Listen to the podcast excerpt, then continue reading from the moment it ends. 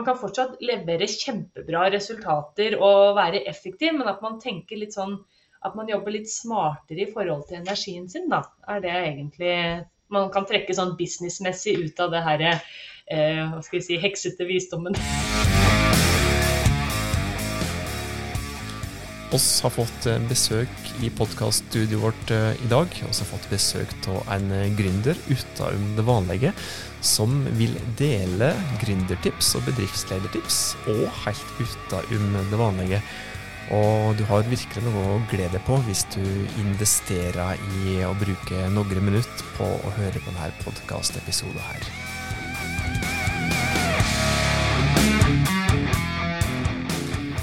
Hjertelig velkommen til en ny episode av Hauspodden, podkasten fra fagfolket i Haus. Tusen takk for at eh, du eh, hører på oss. Det setter oss eh, ordentlig, ordentlig stor pris på. Dagens episode til Hauspodden den tror jeg rett og slett blir magisk i ordets rette forstand. fordi at i dag så har vi fått besøk av en gründer som rett og slett lever og ånder for å bringe nettopp litt magi inn i livet mitt og i livet ditt. Gründeren som også har fått besøk av, har også hatt ei temmelig spennende reise fram til at hun endelig tok valget om å starte for seg sjøl. En reise som jeg er sikker på at du som hører på, kan la deg inspirere av, og som jeg vet at flere av lytterne til Hauspodden kan relatere seg til, sjøl om denne reisa til denne gründeren nok er hakket mer spesiell enn det som mange andre har opplevd. Velkommen til Hausboden, Ragna Thorheim. Jo, tusen takk, Torvod. Veldig veldig stas å være her. Kjempegøy å bli invitert. Og ikke minst utrolig koselig for, eh, for meg og oss og dem som hører på. For endelig ønskelig velkommen. Ja, takk. Det er, eh, ja, det er så gøy, altså. Vi skal tilbake til denne linken til det magiske som jeg nevnte, men aller først, eh, kan du ikke fortelle oss litt om den reisa du har hatt fra den gangen du var ansatt i skulle jeg si, en helt vanlig jobb, i en helt annen bransje i hvert fall enn det du jobber i nå, og fram til du tok det endelige valget om å starte på egen hånd? Ohoi. Ja, hvor lang tid hadde vi, sa du? da? Nei da. Det, eh, det, har vært litt av en uh, reise, Tormod. Uh, og egentlig ganske sånn spirituell òg, for min del. da. Altså, det er jo det, den bransjen jeg jobber i òg. Men eh, jeg jobber jo som markedsassistent i eh, et av Norges største kinofilmdistribusjonsselskap, SF. Eh, altså Svensk Filmdistribusjon heter det jo da. Nå vet ikke om det kanskje har endra litt navn, det har vært masse endring i bransjen. Men jeg var jo ferdig utdannet filmviter, som så fin tittel det er, i 2014. Og jobber samtidig 100% i, i den herre eh, filmdistribusjonsbransjen. Og drev med bl.a. filmer som 'Hobbiten' og sånne ting. Det var en veldig spennende jobb, da. Eh, men kjente òg at det, det, var noe mer jeg hadde liksom lyst til å gjøre. Altså noe jeg har alltid hatt en sånn interesse for det spirituelle og litt sånn mystiske og magiske, som du sa så fint eh, innledningsvis. Og kjente jo da rett og slett at jeg skulle snu helt på alt eh, i 2014. Hadde nettopp fullført masteren og flere hundre tusen i gjeld. Og var egentlig på det i anførselstegn riktige stedet. Eh, og kjente at det plutselig var helt eh, eh, feil. At jeg hadde lyst til å hjelpe folk med å komme mer i kontakt med ja, seg sjøl. Og ja, det var eh, veldig spennende. Så da snudde jeg egentlig helt på hæla da. Og det var jo helt sånn kan hende noen som lytter her òg har vært lignende, at de tror de er på det rette stedet. Har kanskje ført masse tips fra studieveiledere, familiemedlemmer, kolleger, venner. Og så Nei, men det her føles faktisk ikke så greit. Jeg har lyst til å gjøre noe helt annet. Og jeg er veldig glad for all erfaringa jeg har, da. For herregud, all den markedsføringserfaringa. Og jeg elsker fortsatt film og eh, TV. Altså for all del. Det er jo en filmnerd og elsker å analysere og prate om film og serier og alt sånt. Så um, det Men um, ja, da startet jeg altså min Snudde helt om og ble rett og slett godkjent uh, healer i Det norske healerforbundet.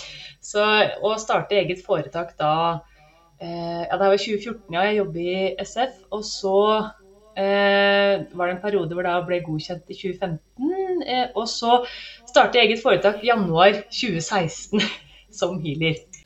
ganske, ganske ja, snudde tvert om. Altså, du sa at du hadde den interessen der eh, hele tida, eh, men var, du gikk jo fra en helt annen bransje til virkelig ei helt ja, ja. annen verden. Du har vært ganske åpen om prosessen i, i, din egen blogg, for så vidt. Og mm. det var jo kanskje litt en, en, prosess som ga deg det endelige skyvet ut, uh, ut i det store ukjente. Kan du si litt om akkurat den prosessen? Jo, altså, eh, jeg gikk jo òg på den berømmelige veggen, da. Det skal jo òg sies, da. Eh, når jeg jobba eh, i SF. Det var jo flere faktorer som førte til det. Altså, det, bransjen gjennomgikk jo et vanvittig Altså, altså tenk på all den digitaliseringa, alt som gikk over til streaming og sånn. Det å drive distribusjon av kinofilm var ikke for pingler, altså.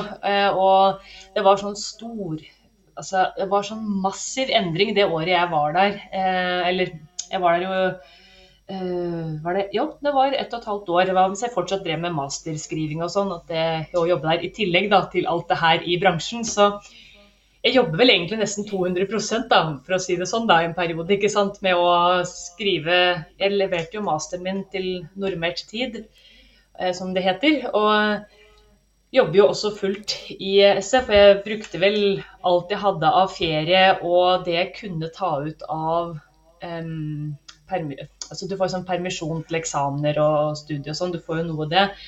Men altså, jeg jobber jo hele tida. Jeg var konstant på og uh, veldig sånn her eh, resultatorientert og veldig skulle liksom være best på alt. Alltid vært liksom flink pike Altså lidd under det her flink pike-syndromet, som det heter. Eh, så jeg jobber meg rett og slett helt ned i Jeg var altså så sliten. Husker jeg satt den høsten så satt de og brakk meg på T-banen.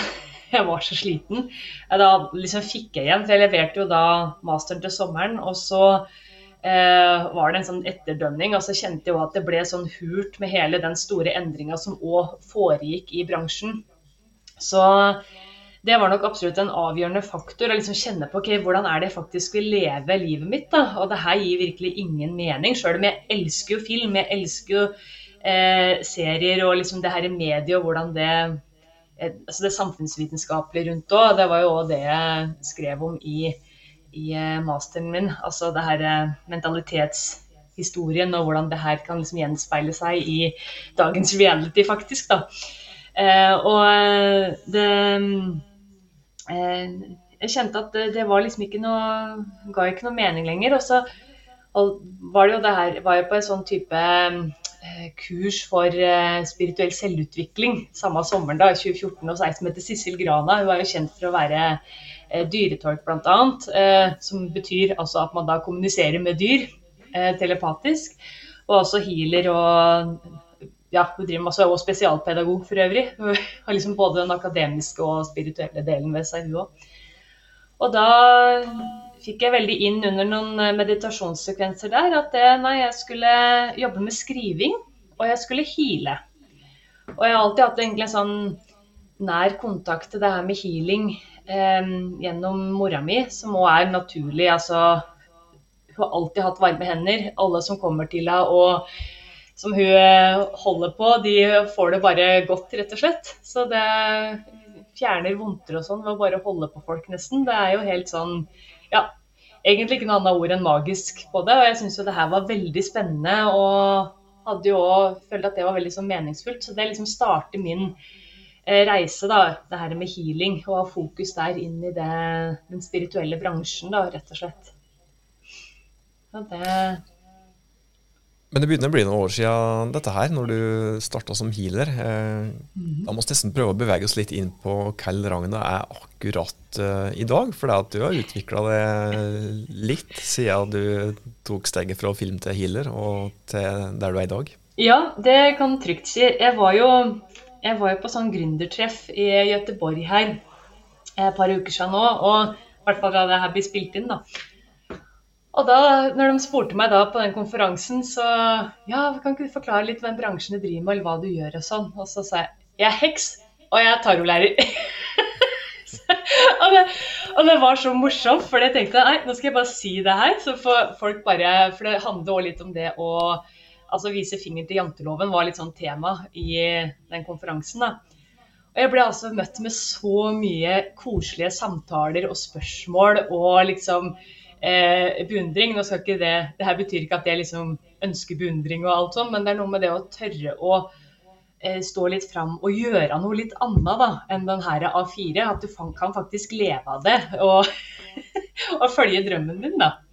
Så det, det var eh, Så jeg, jeg, kaller meg jo heks, og, og jeg er jo heks. Og er jo da òg tarotspesialist, får jeg jo si. da, altså Tarotkort, sånn type spåkort. og Jeg lever jo ånder for det. Jeg skriver om det og holder kurs i det. Og lager tarotkort og ja, alt mulig, alt mulig rart egentlig innen tarot nå. Så det ligger jo strødd rundt meg her med papirer og tarotbøker og kort og jeg spiller inn kurs og alt mulig rart nå, så det er, det er liksom taro det går i.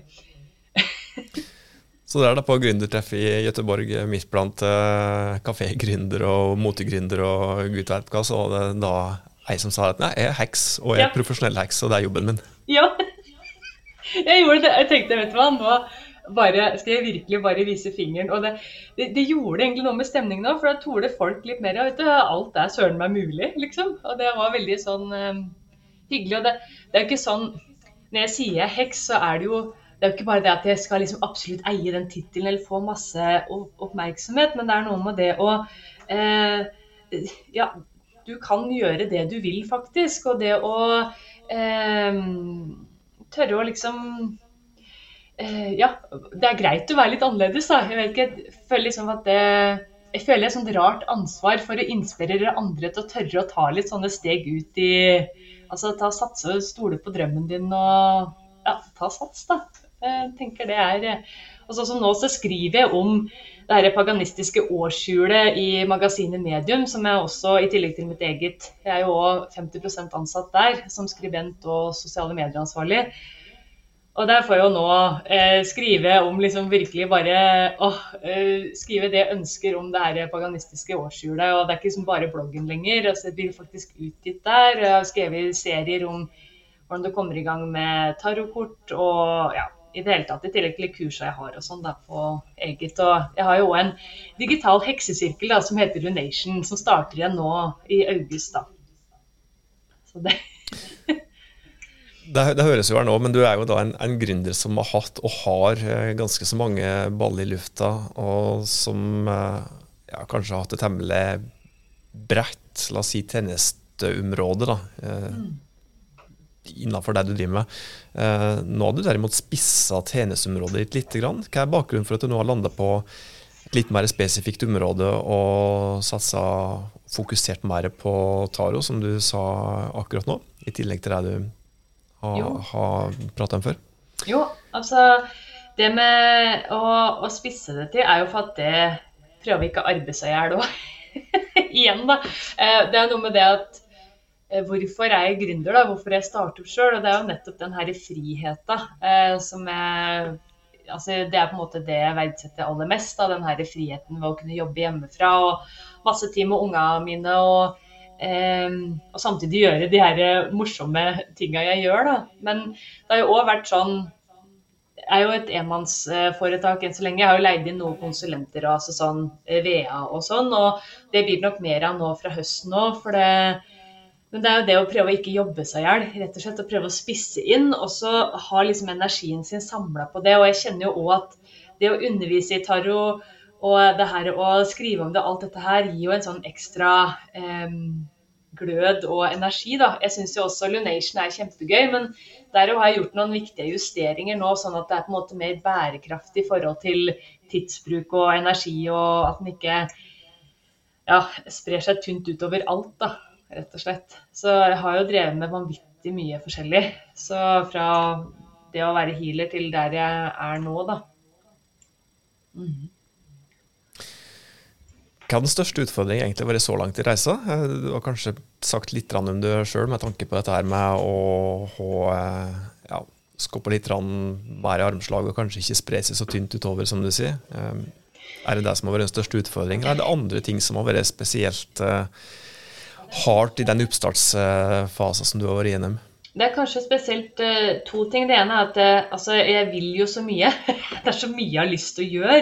Så er liksom det å gjøre noen sånne litt innimellom litt harde prioriteringer, da. Eh, og justeringer. Og tørre å liksom gå litt på trynet og altså rette opp igjen, på en måte. Men eh, det å prøve å ha fokus på en og en ting om gonga er jo nå. For du, jo, du har jo så mange hatter når det du er driver eget foretak. Og så er det det herre um, Bl.a. å tørre å ta godt nok betalt for ting, og så tørre å delegere bort noe arbeidsoppgaver. Og har jo vært, altså det å tørre å investere i hjelp har vært et veldig sånn, stort steg for meg. da, Å tørre det og faktisk se at det, ja, men da, det kan føre til faktisk mer inntekt, det, for da har du mer tid, og du f.eks. får hjelp til eh, sosiale medier og noe markedsføring og sånn, er jo genialt. Da har du mer tid til å lage innhold. Så det er jo liksom så er det nok litt sånn pengefrykt inni der. Og så er det det her at man, i hvert fall jeg, da, jeg er veldig kreativ. Jeg syns det er kjempegøy å lage ting. Og så er det veldig gøy å starte opp, da. Og så oi, så skal du greie å bære alt frem. Og det er jo ikke alltid, alltid like lett, for å si det sånn. Men det, det er nok kanskje de to tinga. Det høres jo ut som den klassiske gründeren, dette her. I hvert fall eh, ja, Hun høres fryktelig like ut som mange andre gründere som også i Haus prater med i løpet av mm. et arbeidsår, tempo sagt, eh, ja. der du har fryktelig mange gode ideer. og så føler du nesten litt skamfull for at du faktisk kan ta det betalt for de gode ideene og de gode tjenestene som du faktisk da tilbyr. Da. Mm. Ja. Da er det godt å høre at du, at du nå har tatt deg sjøl litt i nakken, kanskje, og si det med, med heva hode at uh, Ragna hun er proff i det hun driver med. Så ja. det skal du jaggu meg ta det betalt for. Ja, ikke sant. Det er, det er noe med det. Og så tror jeg spesielt den spirituelle bransjen eller holistiske bransjen er veldig utsatt. Det har jo vært lenge en sånn derre rar greie med at nei, når du, du er healer og, eller du jobber som klarsynt og gir veiledninger, sånn som jeg gjør, da, så eh, er det liksom Det skal være en gave. Du skal ikke ta noe for det, liksom. Da er du grisk og jævlig og sorry språket. Altså det, eh, det, da er det liksom da er det ikke hjertelig nok, da. Men det er jo et bytte av energi. En, altså, eh, så jeg er veldig for det at det, alle de her spirituelle gründere som kommer til meg og spør om råd, så bare ta godt betalt med en gang, liksom. Ikke begynn på sånn derre sånn der 300 kroner for en veiledning. Og, for det, det gir òg et sånt eh, sånn ser noe liksom useriøst preg òg utad. altså At det, de ikke tar seg sjøl alvorlig nok, på en måte. Men eh, må jo tenke på, Det er jo ikke bare den ene timen da, hvis det er én-til-én veiledning man gir. da. Du må jo huske på alt det rundt, all markedsføringa som skjer rundt, all den håndteringa på e-post. Og er du òg én i ditt enkeltmannsforetak eller AS, da, så er du òg ja, kanskje fører regnskap sjøl òg. Liksom. Det er jo masse greier rundt, så man må liksom passe på å ha en grei timesbetalt. Og ja, så kan man heller innimellom ha noen sånne morsomme freebies. Da. Sånn som i podkasten min, så har jeg en gratis mini-tarot-reading i slutten av hver episode, så folk kan sende henvendelser til meg. da. Så blir det litt sånn derre Å, hvem skal jeg være nå? Og så Ja, du får i slutten av den episoden da og da. Så at man kan gjøre litt sånne ting hvis det man føler man liksom ja, syns det er skummelt å ta penger for å legge kort på andre eller i healing eller ja. Det er mange måter å løse det på. Så, men det er en sånn rar greie i hele den bransjen, det her å eh, Det er veldig mange healere og klarsynte som syns det er liksom vanskelig å ta nok betalt. da. Sånn at det er en bærekraftig greie. Jeg tror kanskje at du setter fingeren på noe som ikke nødvendigvis gjelder bare den bransjen som du driver i, men at jeg tror det er litt like typisk eh, gründergreie eller startup-greie. At eh, nei, du tør rett og slett ikke ta nok betalt, altså. Mm. Og der ser en jo eh, ja, nesten uansett hva bransjen driver i, at det kanskje dukker opp en designer der slik som jeg føler at vedkommende kanskje er såpass fersk i faget at han ikke tør å ta like mye betalt som kanskje et stort mm. byrå, f.eks. Slik ser en jo i andre bransjer. Altså, er det kanskje det som skal til, da, både for at du blir oppfatta som seriøs og proff nok, og ikke minst for at du skal overleve som gründer og kunne utvikle bedrifter i. Mm. Så jeg tror nok at det du sier der, er noe som mange kan relatere seg til uansett bransje. Ja, ja, ja. Og det, man er ikke slem om det man tar, tar seg betalt, liksom. det, det, er, det, er, jo på en måte ja, Det er en sånn rar greie, men jeg tror òg ja, Det kanskje er noe som kommer liksom fra generasjoner òg. Altså at det, Ja, jeg vet ikke, jeg. Det, jeg kommer fra en veldig sånn derre hva skal jeg si, Ikke at du skal snakke noe politikk, da, men at det er litt sånn der, de er, de er rike, de er ferdige, liksom. De, de, de er, tjener du masse penger, da er du automatisk slem. Det er litt sånn jeg har opplevd forskjellige i familien. Det er bare sånn Det er jo ikke sånn. Den kan jo for, formidle, altså bruke penger på kjempegode måter å investere, sånn at du kan eh, skape enda mer kule produkter eller tjenester. Og, ja. Så, men eh, det er nok et sånt dessverre litt sånn innarbeide ja, tankemønster, da, eller sånn falsk sannhet, eller hva man skal kalle det, som sitter i ryggmargen hos mange av oss. da. Uansett bransje, om det er regnskap eller design eller hekseri. En annen ting som jeg vet at du har jobba med, dette her med å sette grenser. Jeg vet bl.a. at du har gått, uh, gått, en del fra å kjøre ja, og kjempefokus på kveldssamling med kunder, til å ha mer uh, fokus på å gjennomføre ting på normal arbeidstid, i hvert fall på dagtid. Da. Mm. Uh, hadde det vært vanskelig å sette den type grenser for det i den bedriften som du har opp gjennom tiden? Ja, det har vært en prosess det, altså, å passe på å ikke jobbe For jeg tenker liksom at ja, men eh, vi er en litt sånn people pleasing. Skal hele tida liksom eh, tenke på de andre, da. Altså at ja, men det passer jo best for den. Altså, han lager seg en sånn rar oppfatning i hodet om at ja, men eh, det passer best for kunden da og da. Og, det, og jeg har jo sett nå, for nå har jeg hatt masse forskjellige samlinger både i de medlemssidene jeg har hatt. Jeg har hatt flere medlemssider. Og, eh, og de her kursene jeg har hatt i Taro og sånn nå i vinter og vår. Og det er, jo, det, er, jo sånn at det aldri vil passe for alle uansett, så da er det jo like greit å bare sette det opp når det, det passer for deg sjøl. så det, det, er jo litt det. Og jeg kjenner jo, jeg er jo småbarnsmamma. Jeg er jo ei jente på ett og et halvt år og en gutt på seks år. Og det er liksom Jeg har jo kjent på det nå, i, spesielt nå i vinteren, jeg har kjørt litt kurs og sånn på kveldstid, at det, når klokka er åtte og jeg skal ned i kjelleren her igjen, da Å, det er eh, det kan være hardt, altså. Og det har jo gått. det er jo ikke det. Jeg syns det er kjempegøy å holde kurs i taro. Jeg syns det er så gøy.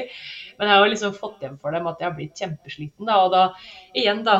Jeg vil ikke jobbe meg i hjel. Det er jo ikke derfor jeg er gründer og driver på sjøl. Jeg, altså, jeg har lyst til å ha overskudd og energi, og spesielt da til altså ungene mine og eh, familielivet. Men også jeg har lyst til å overskudd til den her kreative prosessen. Det er jo det jeg syns er grisegøy. ikke sant? Det å skape innhold, finne på morsomme events. Lage morsomt innhold som folk kan bruke i sin tarotreise, eller at de har lyst til å strukturere sin spirituelle praksis etter de her gamle eh, høytidene i årshjulet, f.eks. Det er jo liksom det jeg syns er kjempegøy. Men hvis jeg da jobber meg helt innad benet, så er det jo null futt i heksa, holdt på å si. Da er det ikke noe krutt i pulverheksa lenger. Nei. Ja, Du sier det jo sjøl, du er jo profesjonell uh, heks og så må prate litt mer om akkurat eh, den, uh, den heksrollen. Det er jo ikke så mange i Norges, tror jeg i hvert fall, som kaller seg for profesjonell heks. Men ja, for dem som nå sitter der litt like usikre på hva søren er det hun egentlig driver med, og hvem er kunden til Ragna hvis, hvis en ser litt på de referansene som du får rundt omkring, da, så er det jo ikke, det jo ikke bare andre hekser liksom, som du veileder. Det, er jo, det ser ut til å være helt vanlige folk. Hva er det du egentlig driver med, Ragna? Ja, det, altså, det, er veldig, det, er veldig, sant. Altså, de som har vært medlemmer, er jo da alt fra kjøreskoleeiere til altså eh, jobba i barnevernet. Det er, altså, det er så mye forskjellig. Kunstnere. Det er altså alt med regnskapsførere. altså det det er så mye forskjellige damer som kommer til meg. og altså, Det å være heks da, for meg er egentlig å ha en sånn dyp kontakt med naturen. altså En type spirituell kontakt med naturen. For jeg, jeg eh, tilhører jo ikke noe religion, eh, sjøl om det jeg kaller meg heks. Det er sikkert mange som kjenner til Wicca, som er den her eh, nypaganistiske religionen. da, Som er på knytta rundt mye av de her eldgamle elementene. Men det er jo det å rett og slett bli mer bevisst eh, med tanke på energien til de forskjellige årstidene f.eks. Eh, være mer bevisst i forhold til månefasene. At man eh, tenker at hver månefase har sin egen energi. At man, bruker litt sånn symbolsk og Altså når månen er i vekst fra ny til full, så liksom øker energien, mens den går litt ned i energi fra full til ny igjen, da, f.eks. Og så at det årshjulet, altså de her åtte sabbatene eller høytidene, er jo da plassert veldig sånn um, det er jo etter de her forskjellige solverva, altså vintersolverv og sommersolverv, og så er det vårhjemdøgn og høsthjemdøgn. Da er det jo en sabbat på hver av de, og så er det jo fire sabbater da altså midt mellom de her igjen. Så det er liksom en sånn Det er, det er åtte grunner, altså sånn ekstra unnskyldninger til å feire i løpet av året. Det er jo bare gøy. Men det er jo det at man bli mer bevisst med den energien som er. altså at På våren så er det fin tid å planlegge f.eks. Og eh, være kreativ, eh, manifestere, altså drive og jobbe med ønskene man har. Og så om sommeren er det fint å utføre ting, få gjennom kampanje f.eks. Er jo litt sånn jeg eh, tenker nå med, i min business. Og så eh, på høsten når det begynner å mørkne og bli altså, kortere dager og sånn, så er det på tide å roe ned, finne litt mer balanse igjen. Og om vinteren at man kanskje har litt ja, litt mer sånn ro og eh, F.eks. hvis man mediterer, at man har kanskje litt lengre meditasjoner, at man har mer ro og um, refleksjon da, på vinteren f.eks. Altså, så det er på en måte en sånn fin måte å strukturere den spirituelle praksisen, altså hvor man kobler seg til eh, det som er større enn oss, da, eller til sjelen sin, kan man jo også si. Altså til sitt indre. Det er en sånn fin måte å finne fokus og dyp mening og mer flyt, da, egentlig. For det sånn samfunnet har blitt nå, sånn jeg tenker og veldig mange andre òg, er jo at det er liksom det er blitt en sånn greie at du skal være en maskin. da, Du skal være like effektiv fra åtte til fire hver dag. og Sånn er jo ikke vi mennesker bygd. Sånn er jo ikke naturen heller. når en ser liksom, I hvert fall ikke her i men ser liksom hvor tydelig årstiden er. Liksom, det er jo ikke sånn at det er full blomst ute hele året. Og løva mister jo Nei, trea mister jo løva på vinteren ikke sant? og står og hviler og lader på en måte til neste sesong. Og det er litt sånn det å trekke visdom fra det her da, og bli mer bevisst rundt det. Det er det jeg på en måte føler med det å kalle seg heks. Pluss at jeg har òg jeg jobber jo masse med intuitivt arbeid. Jeg kaller meg jo òg klarsynt. Jeg har jobba som healer. altså hekser var jo på en måte de her i anførselstegn viskvinnene som folk kom til for hjelp da, når de trengte mer sånn støtte og råd i hverdagen sin. Så det er en sånn fin fellesbetegnelse òg, egentlig. Og, og, så er det litt morsomt å rett og slett uh, kalle seg det, for da man jo, får man jo liksom spørsmål om å ha litt sånn konstruktive og spennende samtaler rundt det her spirituelle. da. Er i hvert fall min erfaring. Jeg har bare blitt møtt med hyggelige spørsmål og liksom sånn høflig nysgjerrighet. jeg tror mange av, lytterne hadde nytte av det bildet som du ga her nå avslutningsvis, eh, med dette her. Og ja, hvis du da tenker på f.eks. tre som mister lauvet om høsten og står og samler energi til, til å gi nytt lauv til våren og slik. Mm. Uh, og hvis en da tenker at dette kan relateres til den vanlige arbeidstaker, eller mm. bedrifter i utviklingsfase, så tenker jeg at uh, du kan jo hjelpe nesten hvem som helst, uansett funksjon i hvilken ja. som helst bedrift, til, til å gjøre en bedre jobb. Da. Og du kan òg kanskje faktisk bidra inn i strategiarbeid, utvikling til markedsplanen osv. Mm. Fordi at kanskje er det ikke sikkert at det er september-oktober som er rette tidspunktet for utvikling av neste års markedsplan eller neste års eh, ja, eller neste strategiperiode, f.eks. Mm. Eh, kanskje bør du heller bruke våren på den type ting. Mm, det kan være fint å gjøre det. Eller på nå. Eh, jeg elsker det å jobbe etter månefasen nå. Det kan være kjempefint å sitte og planlegge rundt nymåne f.eks. Og så utfører man f.eks. kampanje eller live rundt fullmåne. Så det er litt morsomt at vi spiller inn det her rett etter en fullmåne, da, Tormod. Ja. så jeg regner med at du tenkte på det når det vi satte opp uh, Ja, altså jo, faktisk, faktisk lite grann. For jeg eh, kunne ikke unngå å legge merke til det eh, når det var fullmåne nå. Det kunne ikke gjøre. Nei. Men jeg tror absolutt at det, den her gamle visdommen, da, eller hva jeg skal si, kan nok mange, uansett bransje, altså ta til seg. Og eh, altså bli mer bevisst rundt og kanskje planlegge kampanjer og litt sånn òg. Så prøve å tenke litt mer syklisk òg. Det gjelder ikke bare damer som har en, en syklus, men altså Det er jo ja, prøve å være litt mer sånn Man kan fortsatt levere kjempebra resultater og være effektiv, men at man tenker litt sånn At man jobber litt smartere i forhold til energien sin, da. Er det egentlig Man kan trekke sånn businessmessig ut av det herre eh, hva skal vi si, heksete visdommen. kanskje dette her som er det virkelig store insider-hacket til dem som virkelig vil få seg ordentlig bra konkurransefortrinn. At de, at de legger opp arbeidet sitt etter fasen, f.eks. Ja, kan være det. Jeg tror jo veldig mange altså, eh, store og vellykka business eh, Hvis man tenker liksom eh, omsetning og sånn på det med suksess, så er jo jeg tror mange har en mer sånn spirituell vri på ting. da, altså Har gjerne en spirituell praksis, har en morgenrutine f.eks. For, for å Jeg vet jo at veldig mange eh, mediterer, sånn som Opera f.eks er jo kjempespirituell. Altså, eh, Tony Robins, Mel Robins, alle de her er, har jo på en måte en sånn rutine og kobling og bevissthet rundt forskjellige ting. Kanskje ikke i sånn like stor grad som at jeg er veldig kobla til dette årshjulet og, og, og, månen og i det hele tatt. Men altså det å være litt mer bevisst og tenke litt på de her energiene som er naturlig i naturen rundt oss, da. Det tror jeg er eh, veldig positivt for alle.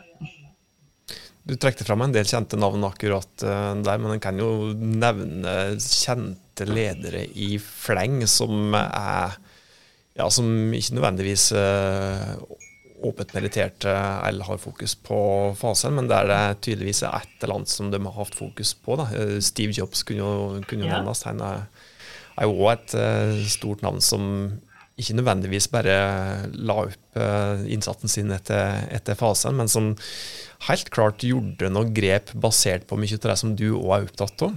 Mm. Ja, men jeg tror at det å være i kontakt med det, den her spirituelle sida vår òg, og føle en dype mening med ting, det tror jeg er eh, Og, og den spesielt Jeg, jeg syns flyt er et sånt godt ord. altså Føle flyt i hverdagen. da, At man liksom prøver å jobbe med energien i stedet for å drive og svømme mot. altså Altså at man er redd for å gå med strømmen altså, i stedet for å svømme mot, blir vel kanskje mer riktig bilde her. For å få den flyten og gleden at man ikke overarbeider seg hele tida. Ikke hele tida skal gønne på, på en måte. Det, ja. Det. Jeg tror fort det kan være både én og to lyttere som enten er i samme situasjon som det er nå, altså en gründer i en helt tydelig utviklingsfase, eller som jobber i bedrift hel eller deltid, men kanskje vurderer å starte for seg sjøl. Mm.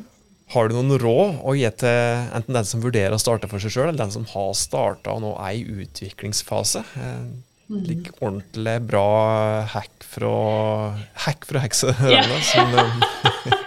jo, altså jeg tenker sånn, uh, uten at det er så heksete tips, altså det her å omgi deg med, med, folk som heier og støtter på deg. Om du får til å være med i et eller annet sånn type mastermind f.eks., eller altså en sånn kollokviegruppe, altså noe hvor du kan dele erfaringer og sånn og støtte hverandre, det er vanvittig viktig, altså. Altså å liksom støtte seg på folk som er og har kommet kanskje lenger enn deg òg, er òg en veldig sånn fin eh, eh, greie å huske på. Og så ta nok betalt for tjenestene dine tør å på en måte ta i litt, og så kjenner du hvor det er ubehagelig, og så tar du litt til. eh, og så tør å delegere litt eh, oppgaver der du kan. Det er å eh, tør å be om hjelp, rett og slett. Altså om det, det er regnskap, eller om det er også, sånn type virtuell assistent, altså VA, eller der du kan, da, sånn at du bruker tida di mer på det du er god på, rett og slett. da. Det er en prosess. altså det Jeg driver jo fortsatt og jobber med å delegere, og, men eh, det føles eh, lettere og lettere da, å gjøre de her grepet. her. Så det så lytte òg til kroppen. så Tenk liksom hvorfor er det du vil starte sjøl, så du ikke går i den her eh, at du sliter deg ut. Altså passe på å tørre å hvile er òg en sånn greie. Å tørre å hvile deg inn i arbeidet òg, som mentoren min har sagt, Maika, som jeg har gått til. Og det, det er da kreativiteten gjerne kommer, og ideene også kommer. Så det, det, er kanskje Og da kan du jo bruke f.eks. årstiden og månefasen som eh, verktøy og fokus, da. Eller sånt anker på en måte i det. Og så for all del tarro, da. Det å Kan jo trekke kort hver dag og få litt støtte der òg. Det er jo fint fantastisk eh, verktøy. Altså, hvis det du trenger liksom, med litt sånn råd uh, gjennom uh, livet, altså både i business og Jeg trekker stadig kort, det. det. Men det er kanskje ikke så rart, da. Det er det jeg driver med. Så. det burde du strengt tatt gjøre når når du skal levere på kurset i Taro. Ja.